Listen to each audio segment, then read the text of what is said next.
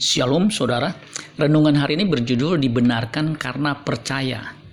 Kejadian 15 ayat 6. Lalu percayalah Abram kepada Tuhan, maka Tuhan memperhitungkan hal itu kepadanya sebagai kebenaran. Abram percaya kepada Tuhan lalu dibenarkan atau diperhitungkan kepadanya sebagai kebenaran. Kata Tuhan dari kata Ibrani Yahweh atau Yehova. Yahweh adalah the proper name of the one true God. Nama pribadi yang tepat dari satu-satunya Allah yang benar.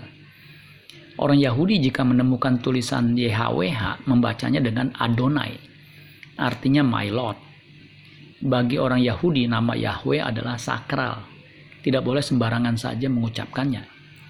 YHWH adalah Tuhan yang berjanji akan datang sebagai juru selamat atau Mesias yang akan datang seperti yang dia janjikan dalam kejadian 3 ayat 15. Aku akan mengadakan permusuhan antara engkau dan perempuan ini, antara keturunanmu dan keturunannya. Keturunannya akan meremukkan kepalamu dan engkau akan meremukkan tumitnya. Ayat ini, kejadian 3 ayat 15 dalam teologi disebut sebagai proto-evangelium atau Injil mula-mula.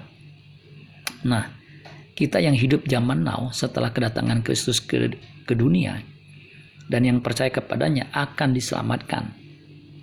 Itu dicatat di Yohanes 3 ayat 16, Yohanes 6 ayat 47, 1 Yohanes 5 ayat 10 sampai 13, Galatia 2 ayat 16. Artinya kita dibenarkan justification dan masuk dalam proses disucikan sanctification dan akhirnya akan dimuliakan atau glorification. Jadi dalam PL jika orang percaya kepada Tuhan Yahweh akan diselamatkan. Orang percaya zaman setelah Kristus datang yang percaya kepada Tuhan Yesus pun akan diselamatkan. Amin buat firman Tuhan. Tuhan Yesus memberkati. Sola Gracia.